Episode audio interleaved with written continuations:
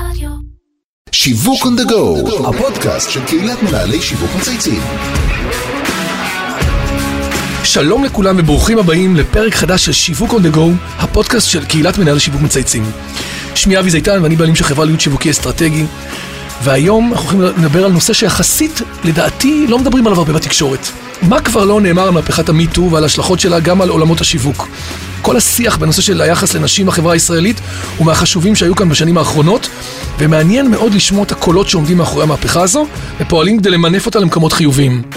אני רוצה להגיד שלום וברוכים הבאים לאווה מג'יבוז.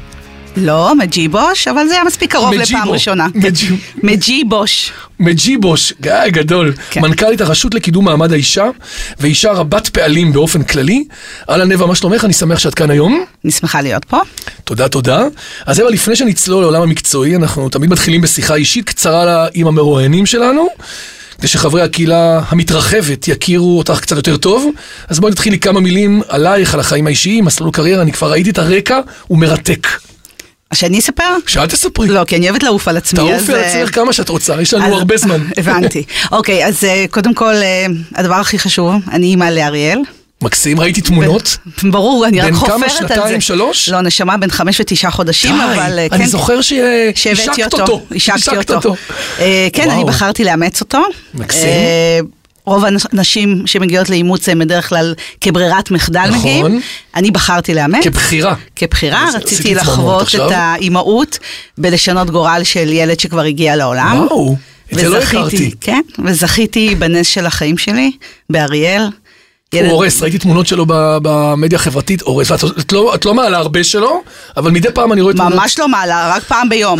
ממש לא, לא, לא מעלה בכלל, אני באמת אה, קולית לגמרי, לא מכריחה את כולם לראות תמונות שלו. כן, אה? פולניה. כן, ו... וזהו, ואחרי שאני אימא של אריאל, אז אני מנסה לעשות עוד כמה דברים. דברים טובים לעולם הזה. אה, מנסה, הוא הסיבה שבעצם אה, עזבתי תפקיד, אה, תפקיד שנחשב מאוד בעל כוח ובעל השפעה, יושבת ראש הרשות השנייה לטלוויזיה ורדיו, ועברתי לפני להיות... כמה אה, שנים זה? עזבתי לפני שנתיים. שנתיים, אוקיי. אה, עזבתי כשנה לפני סיום הקדנציה הרשמית שלי, ומעולם לא היה יושב ראש של רשות שנייה שעזב קדנציה ביוזמתו. ביוזמתו. גדול.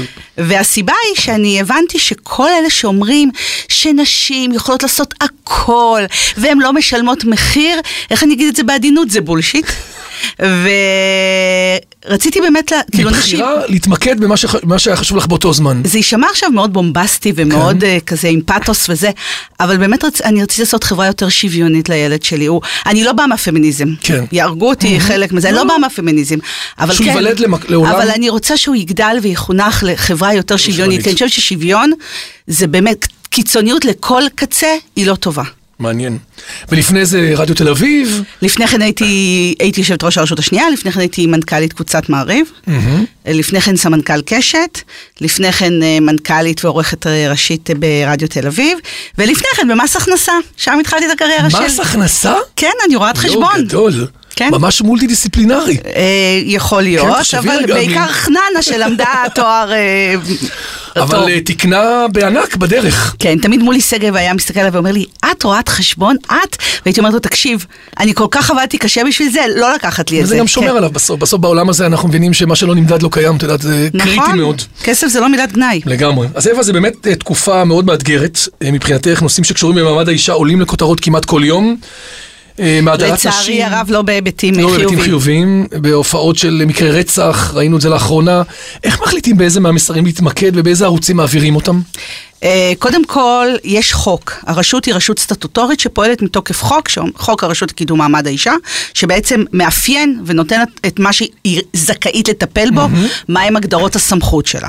אז מה שקורה בדרך כלל זה באמת תוכנית עבודה, כי זו רשות ממשלתית שאתה קובע מראש. ומקבל אישור, משרד רוה"מ וכל הדברים האלה, ויש את החיים, והחיים הם יותר חזקים מכל דבר. מכל תכנון ומכל בדיוק, רגולציה. מכל תכנון. כשנרצחות בחודש שלוש נשים, אתה לא יכול להתעלם מהנושא של אלימות, גם אם לרשות לקידום מעמד האישה אין באופן מעשי כלים אמיתיים.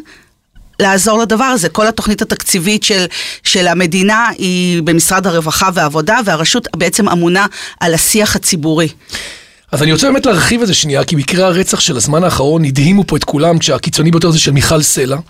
ואני חושב שבאמת, אה, מה לגבי כל העונשים שאת רואה פה כרגע? אני רוצה לשאול אותך, יש כאן בעצם סוג של חינוך קהל, הן של גברים ויש של נשים, שצריכות ללמוד לזהות סימנים מקדימים. איך עומדים באתגר הזה מול חינוך קהל?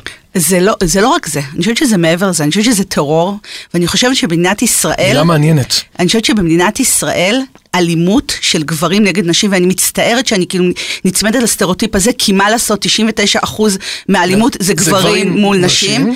אה, זה לא מספיק קלון חברתי. זאת אומרת, גבר שמרביץ לאישה, או מכה אותה, או רוצח אותה, זה לא מספיק קלון חברתי. מה שהוא מקבל מהחברה? כן. זאת אומרת, אם גבר מרשה לעצמו לרצוח אישה ברחוב, ברחוב, מה שקרה בעפולה. ופשוט ללכת, זאת אומרת, זה לא מוקיע, אם, אתה יודע מה, אפילו בכלא, הייתי בסיור ברור. בכלא מעשיהו, נגיד פדופילים, כן. הם בתחתית סולם כן, ה... ה- ל- לאלימות לגבר, באלימות זה לא, כמו שבמדינת ישראל, לתחמן את מס הכנסה, זה להיות חלק מהחבר'ה, זה נכון, להיות מגניב. זה מגניב. בארצות הברית, אל, אה, אל פצ'ינו, אני אומרת, אל אה, קפונה. אה, נכנס לכלא בגלל נכון, עבירות בגלל מס, מס, נכון. ובאירופה זה קלון חברתי, אני חושבת שהשינוי שצריך להיות פה. קודם כל להפוך את זה להיות, קלון את חברתי. בדיוק. לתחתית סולם החברה. בדיוק, זה דבר הכי נורא שיכול את להיות. יודעת שאת צודקת שאת אומרת את זה עכשיו פתאום, ולא תכננתי להגיד את זה, תדמיתית, אדם שרצח, או אדם שהרביץ לאשתו, אתה לא שומע באמת שהוא לא. מוקצה מהחברה או שהוא מקבל על זה, זה לא בדיוק. אות קין. בדיוק, זה לא אות קין, וזה צריך להיות אות קין, זה טרור, זה מחבל, זה אדם. עכשיו, יש הרבה אנשים, יש הרבה אלימות, יש כל מיני סוגי אלימות. נכון שקיצוני ביותר זה נגמר ברצח, אבל יש אלימות כלכלית, שהרבה גברים נכון, מאוד נכון, כל הכסף מצליחים, והחשבון והכל ומאוד אה, נכון. פופולריים ומאוד חברותיים. אתה שומע פתאום זה- שכל העברה וכל נייר וכל סכום וכל שקל, הכל ממש דרכו. התעללות, זה ממש. התעללויות, ויש הטרדות מיניות, כאילו אלימות מינית, יש את כל הסוגי האלימות, ואלימות זה תופעה שצריך להוקיע מהחברה. את מרגישה שיש חוסר אונים של הרשויות במקומות האלה היום? כאילו, כי יש פה עניין של תדמית מצד אחד, ומצד שני, איזה כלים באמת אפשר לפעול בהם במש- במטרה להפוך את זה לאות קין או למגר את זה? איך את רואה את הטרנספורמציה הזאת קורית? קודם כל בחינוך אה, קהל, אתה, אתה כאיש שיווק, זאת המומחיות, לשנות את התודעה החברתית. הרי מה בעצם עשה מיטו שנגעת בזה? הרי מיטו לא בא והכניס אה, נכון. אנשים, אבל הוא, יצר- הוא, ש- הוא יצר שיח, והוא ש- הוא יצר שינוי תודעה חברתית, שמה שפעם היה לגיטימי, כבר לא לגיטימי. וזה מה שצריך להיות גם כמו עם שקרה העניין של בצבא, אלימות. אפרופו עם כל הסיפור של הגנרלים שאנחנו רואים נכון, לאט לאט שהולך הנה. שהאחרון כן? התפטר כבר לא חיכה. כי הוא הבין את המחיר שהוא הולך לשלם בכל התהליך, אז הוא אומר, אני מעדיף לצאת מזה עכשיו. בדיוק, כי איציק מרדכי עד הרגע האחרון... את זוכרת? ברור, עד הרגע, קצב, עד הרגע האחרון. הכחשה, הכחשה, הכחשה. וגם ב- ב- בטוח ש, שזה בסדר, ושהם רצו את זה. עכשיו, השיח הזה משתנה, זה מה, ש- זאת המהפכה הגדולה של מיטו. יש באמצע עשבים שוטים, יש נשים שמנצלות את זה לרע, נכון. זה בשוליים. זה מהות של מהפכה, לא יעזור. תמיד יהיו את הדברים האלה. אז את אומרת, הפריצה הבאה מבחינתך, זה בעצם הפריצה של המודעות והשיווק, איך לייצר לגיטי...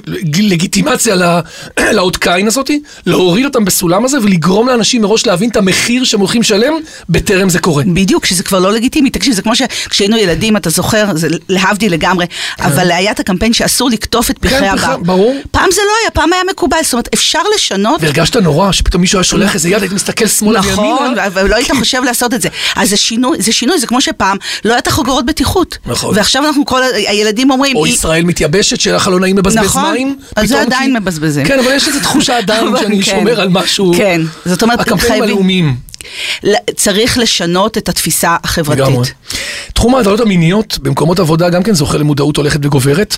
מה, מה נעשה ומה צריך עוד לעשות בתחום הזה? אז הנושא של הטרדות מיניות באופן כללי, כמו שאמרתי, מהפכת המיטו, אנחנו, אה, הוקמה לראשונה במדינת ישראל, בעצם הממשלה החליטה להקצות עשרה, גילה גמליאל, השרה לשוויון חברתי, הצליחה להשיג עשרה מיליון שקלים, שזה לא הרבה כסף, לא, אבל זה- אבל זה לא מעט. לא מעט. פעם ראשונה שבעצם הממשלה באה ואומרת, כן, הטרדות מיניות זה בעיה לאומית, זה בעיה של מדינת ישראל. מדהים. הקצתה עשרה מיליון שקלים לוועדה שאני עמדתי בראשה. וממש מדדה, עשתה סקרים, אתה במצב, עשינו, כאילו יש פה עשינו עבודה. מחקר של 1,400 משתתפים, וואו. שזה מאוד יפה. מאוד יפה, זה מדגם גדול. גם בהשוואה עולמית, זה מדגם מאוד מאוד גדול, ושם בעצם גילינו? והבנו שרוב המק... ההטרדות המיניות קורות במקום העבודה. עכשיו, מעבר לזה שרוב, ה- 61% מההטרדות המיניות, מקום העבודה הוא מקום כל כך קריטי לבן אדם מכל היבט. נכון. כלכלית, חברתית, הגדרה. עצמית, כן. הכל ביטחון, נכון. הכל, הכל, הכל. מעגלי ה- זאת אומרת ששם הטרדות מיניות, זה מקבל נופח בהמון המון. נכון. ועלו המון המון דברים מעניינים, המון אה, נשים שבעצם לא התלוננו, רק 95 אחוז, זאת אומרת, סליחה, רק 5 5%. אחוז מהנשים שאמרו שהוטרדו, התלוננו. זאת אומרת, ב-61% מהמקומות יש הטרדות מיניות, ו-5% לא, בלבד 61 אחוז מההטרדות המיניות קורות במקום העבודה. אוקיי? ו-5% מהאנשים התלוננו. חמישה אחוז מהאנשים התלוננו, ושלושה אחוז מתוך החמישה אחוז הגיעו לתלונות פליליות. שזה אומרת, ממש מספרים זה קטנים כלום, ביחס להיקף התופעה. והתשובות היו כי הם לא חשבו שזה יעזור, הם התביישו. הם פחדו לאבד את מקום העבודה. הם. פחדו שהבעל והמשפחה וכל הדברים. האלה. יגידו, אבל- את גרמת לזה. בדיוק. כל. הלקיחת, כן. בדיוק. מטורף. אה, בקיצור, יצא מהדבר הזה ממש תוכנית עבודה? יצאה תוכנית עבודה עם 38 המלצות. אה, ברגעים, אה, בעצם זה יצא וגם אומץ על ידי השרה. אה, מה שנשאר זה שתהיה ממשלה ותקציב. אבל חוץ מזה, בקטנה. יש... אה, זאת אומרת, אם יהיה עכשיו בחירות שלישיות ורביעיות, אז אנחנו נחכה. אנחנו נחכה ואנחנו נחכה ואנחנו נחכה, כמו שהמון המון דברים לצערי אה, אנחנו מחכים. איך את פועלת כרגע? מה הכלים שלך כרגע בתור באמת גוף מאוד משמעותי בתחום בעולם התוכן הזה? לצערי הרב, מה שנשאר לנו לעשות בימים אלו זה כל הזמן רק מודעות. זאת אומרת, לייצר distraction וכתבות ותכנים. בדיוק, שכל הזמן. שזה לא ירד מסדר היום. הבנתי. עד כמה המעורבות של נשים מפורסמות, מובילות דעת קהל, מסייעות לקדם את האג'נדה שלכם ממש בכל הנושא של הדרת נשים? כי הרבה פעמים היה שיחה שאומרת, את מפורסמת, מכירים אותך, הרבה עוקבים אחרייך, תצאי תספרי את זה, כמו בזמנו עם לינור אברג'יל, זה בסוף מקדם יותר נשים בעולם הזה. את מרגישה שזה נכון? כן ולא, כאילו זה טיפה קוסמטי, זה טיפה יותר נוצץ, זה יותר... כן, זה גלם. כן, אבל בתכלס השינוי צריך להיות אה, שינוי. כל הנושא של הדרה, הדרת נשים הוא נושא... מאוד מורכב, זה לא נושא פשוט. זאת אומרת, מצד אחד, אוקיי, אה, לא רוצים שנש... שיהיה אירוע נ- לא יהיו בו נשים, אבל מצד שני ברדיו לא משמיעים נשים. זאת אומרת, זה נורא קל... אה, כן, זה משהו גם תרבותי, משהו בדיוק. סוציולוגי, זה לוקח פה... יש חברות שצריך להתייחס נכון. אליהן, אבל כן, יש את ההבדל בין אה, ארגון ציבורי, בין איזשהו אירוע ציבורי, שבו, מה לעשות, הכללים הם אחרים ולא ניתן לעשות, לבין אירועים פרטיים, ששם, אתה יודע, למדינה וגם לעניין אין שום כן. אה, יכולת אה, להשפיע. את רואה אבל כן היום יותר בעיתונות דירקטוריון שאין בו נשים, הנהלה שאין בה נשים, חברות שמעלימות נשים, את, את כן רואה גופים שנכנסים בהם יותר על זה ומקבלות על זה ציונים נמוכים. קודם כל, הוכח עולמית, באמת, הוכח עולמית, מעבר לכל הכותרות, במחקרים שארגונים שיש בהם הסדרה ניהולית של נשים, שיש בהם נשים של 50-50, הם ארגונים מצליחים יותר כלכלית, והעולם הולך לכיוון הזה. לא כי עושים אני לנו מסכים טובה. איתך, דרך אגב, נכון. לא כי עושים לנו טובה. נשים מביאות משהו? אחר נכון. ונדבך אחר. אוקיי, אנחנו רק, באמת רק לסיכום הנושא הזה, גם מהסקר שלך יצא שהדרך להילחם בהדרה באמת זה, זה רשויות, זה מקומות עבודה, זה כלי תקשורת, יש עוד דברים שאת עכשיו שומעים אותנו עכשיו, לא יודע, מה, 11-12 אלף איש, יש דברים שהיית רוצה להעביר אליהם מבחינתם בתוך הארגונים שהם עובדים כרגע כעוד משהו של לשים עליו דגש, עוד משהו של להיאבק איתך, לצרף אלייך עוד מאמינים? נשים הם כוח, נשים הם כוח כלכלי, הם כוח פיננסי, הם כוח רגשי, עסקי, לא עושים טובה. תשקיעו בנשים, הם יחזירו פי זה אלף. ROI גבוה, את אומרת, החזר על לגמרי, השקעה מאוד מאוד לגמרי, גבוה. לגמרי. אנחנו תמיד נוהגים לשאול בפודקאסטים אה, את האורחים על דברים שהם היו עושים אחרת.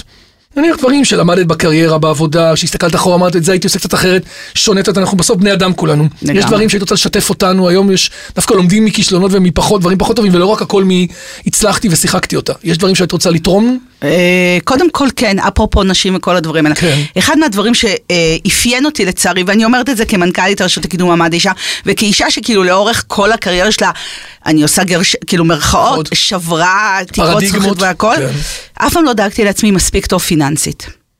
למ- אני תמיד נתתי את הדוגמה הזאתי. אה, זאת אומרת, אם עכשיו היה גבר יושב בדבר, בתפקיד הזה, הוא היה מרוויח יותר. לא, כי זה מדינה, וש... אה, וזה זה שכר מנכ"ל.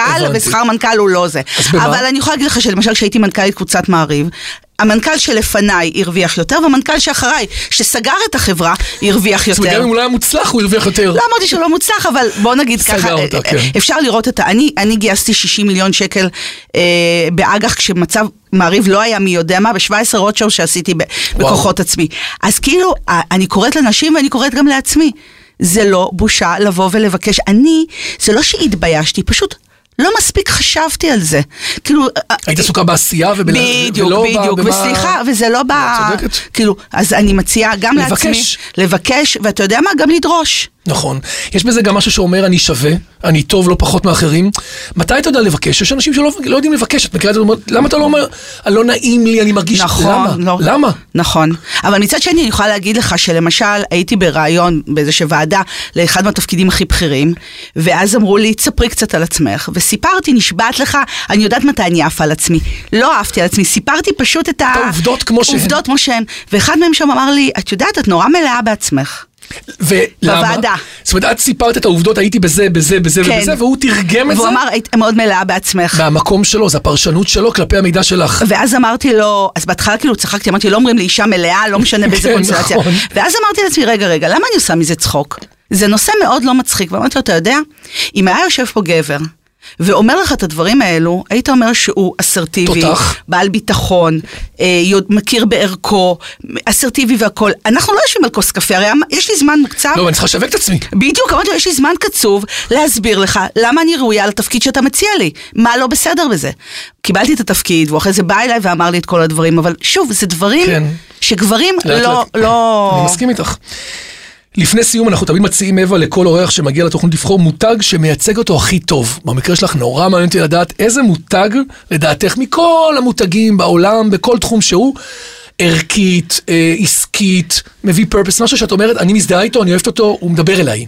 אז אני לא הולכת לכיוון הזה. לא יאללה. הולכת, ל- אני הולכת לכיוון אחר. את משנה לי עכשיו גם את אני הפינה. משנה לך בדיוק. אה, למה אני צריכה עכשיו להסתבך עם... אה, לפגוע במישהו בערכית? אני אומרת אחד טוב, אז אחרי ארבעה אחרים. בדיוק, אני הולכת אמוציונלית. יאללה, לכי על זה. אני אה, עולה חדשה, הייתי עולה חדשה, עליתי לארץ עם ההורים שלי, והייתה לי ילדות מאוד מאוד... בגיל אה, שנתיים. שנתיים וחצי, אבל הם היו בני 28 אה, ההורים שלי, אוקיי. אז זה קצת יותר היה... נכון. והיה מחסור כלכלי, והיה קושי. קושי, קושי אמיתי. כן. וכשהייתי בערך בת 12, אה, היה מאוד מאוד מאוד אין ומאוד לוהט אולסטאר. אה, גדול. והחלום. שלי היה שיהיה לי אולסטאר. ורק בגיל 16, שזה כאילו ארבע... עוד פעם, את רואה, את מפעילה לי את הזה. רק בגיל 16 זכיתי לאולסטאר הראשונות שלי, הוורודות. הם היו איתי עד גיל 40, מה? כן? ות, ועד עכשיו יש לי אולסטאר, כאילו, לא אותם. ותמיד אולסטאר, כשאני רואה אותם, זה משקף אצלי כל כך הרבה... כאילו אמוציות ורגשות. כן, ו... כן, יש לי מין, כאילו, זה מחזיר אותי לאווה הקטנה מראשון כן, לציון. כן, כן, את חוזרת, זה נותן לך כן. טיפה פרספקטיבה. בדיוק, זה מזכיר לי... basic. בדיוק. איזה יופי, סיפור מקסים. אז קודם כל, אווה, ויש עוד שאלה אחרונה, אני אתן לך עוד. יש מישהו שהיית רוצה שנראיין אותו, שהוא מעניין, שיש לו שיא, את יודעת, שהוא מביא אג'נדה כמוך, שאנשים יכולים לשמוע ולהגיד, וואלה, אני יכול ללמוד ממנו משהו על הדרך שלו, על פועלו, מהעולם העסקי, מעולמות של יש הרבה? אבל יש מי מישהו? שאני יכולה, שאני, הוא, אה, התח- התחלנו כבעצם בוסית ועובד, והוא עם השנים הפך להיות אה, החבר הכי טוב שלי, שרון שפירא, אה, שהוא סמנכ"ל כן, קבוצת BBB. בחור מדהים. בחור מדהים, שעשה לא דרך. מדהימה. בבקשה. הנה, אז רשמנו, שרון, שרון שפירא, אנחנו כן. מזמינים אותך לראיון. אה, אז אווה, תודה רבה. היה מאוד מאוד מעניין, חייב להגיד שונה, כי אנחנו מדברים המון על שווקים, על בנקים, את יודעת, על קופות חולים, פתאום נדבר על מעמד באנו האישה. לשנות. ברור, שיהיה מעניין. בדיוק. אז אני רוצה להזכיר לכולכם שכולם יכולים לפנות לנו שאלות בעמוד הפייסבוק שלנו, ועד כאן שיווק on the go להיום. אני רוצה להגיד תודה לכל מי שהוביל את הפרויקט שלנו, של הפודקאסט, לאמיר שניידר, לירן פורמן וטל ספיבק ממנהל שיווק מצייצים, דרור גנות מאדיו ספוטיפיי, טי סוויסה שמערך אותנו באולפני ביזי, היום יש לנו עוד אורח שמערך אותנו גם. אמ, ומאחל לכולכם להמשיך כמו אווה, לרוץ, מה שנקרא להאמין בדרך. חייבים. לא לוותר, גם אם זה פחות אה, סקסי, גם אם יש בזה קצת שריטות בדרך כמו שאני רואה אותך. את אומרת בסוף יש לי אג'נדה ואני רצה קדימה כי לא, באנו לשנות. השריטות זה החיים. השריטות זה החיים, אחרת מה זה מעניין? בדיוק. אומרים תמיד לינקולן אמר, It's not the years in your life that counts, it's the life in your years. מה זה משנה כמה שנים חיית. השאלה מה עשית? לגמרי, לקנית. לגמרי. שיהיה לנו בהצלחה, ולך בהצלחה, ואני קורא מפה לכל המאזינים ששומעים אותנו היום, להמשיך ולעזור לאווה. הסיפור של אווה, זה יש אווה 2, מה שנקרא, אווה סטורי של השני, לגמרי. כאילו, לגבי כל העולם נקווה הזה. שהסוף יהיה יותר טוב, כן, אבל... כן, אני מאחל לך גם. תודה רבה. תודה.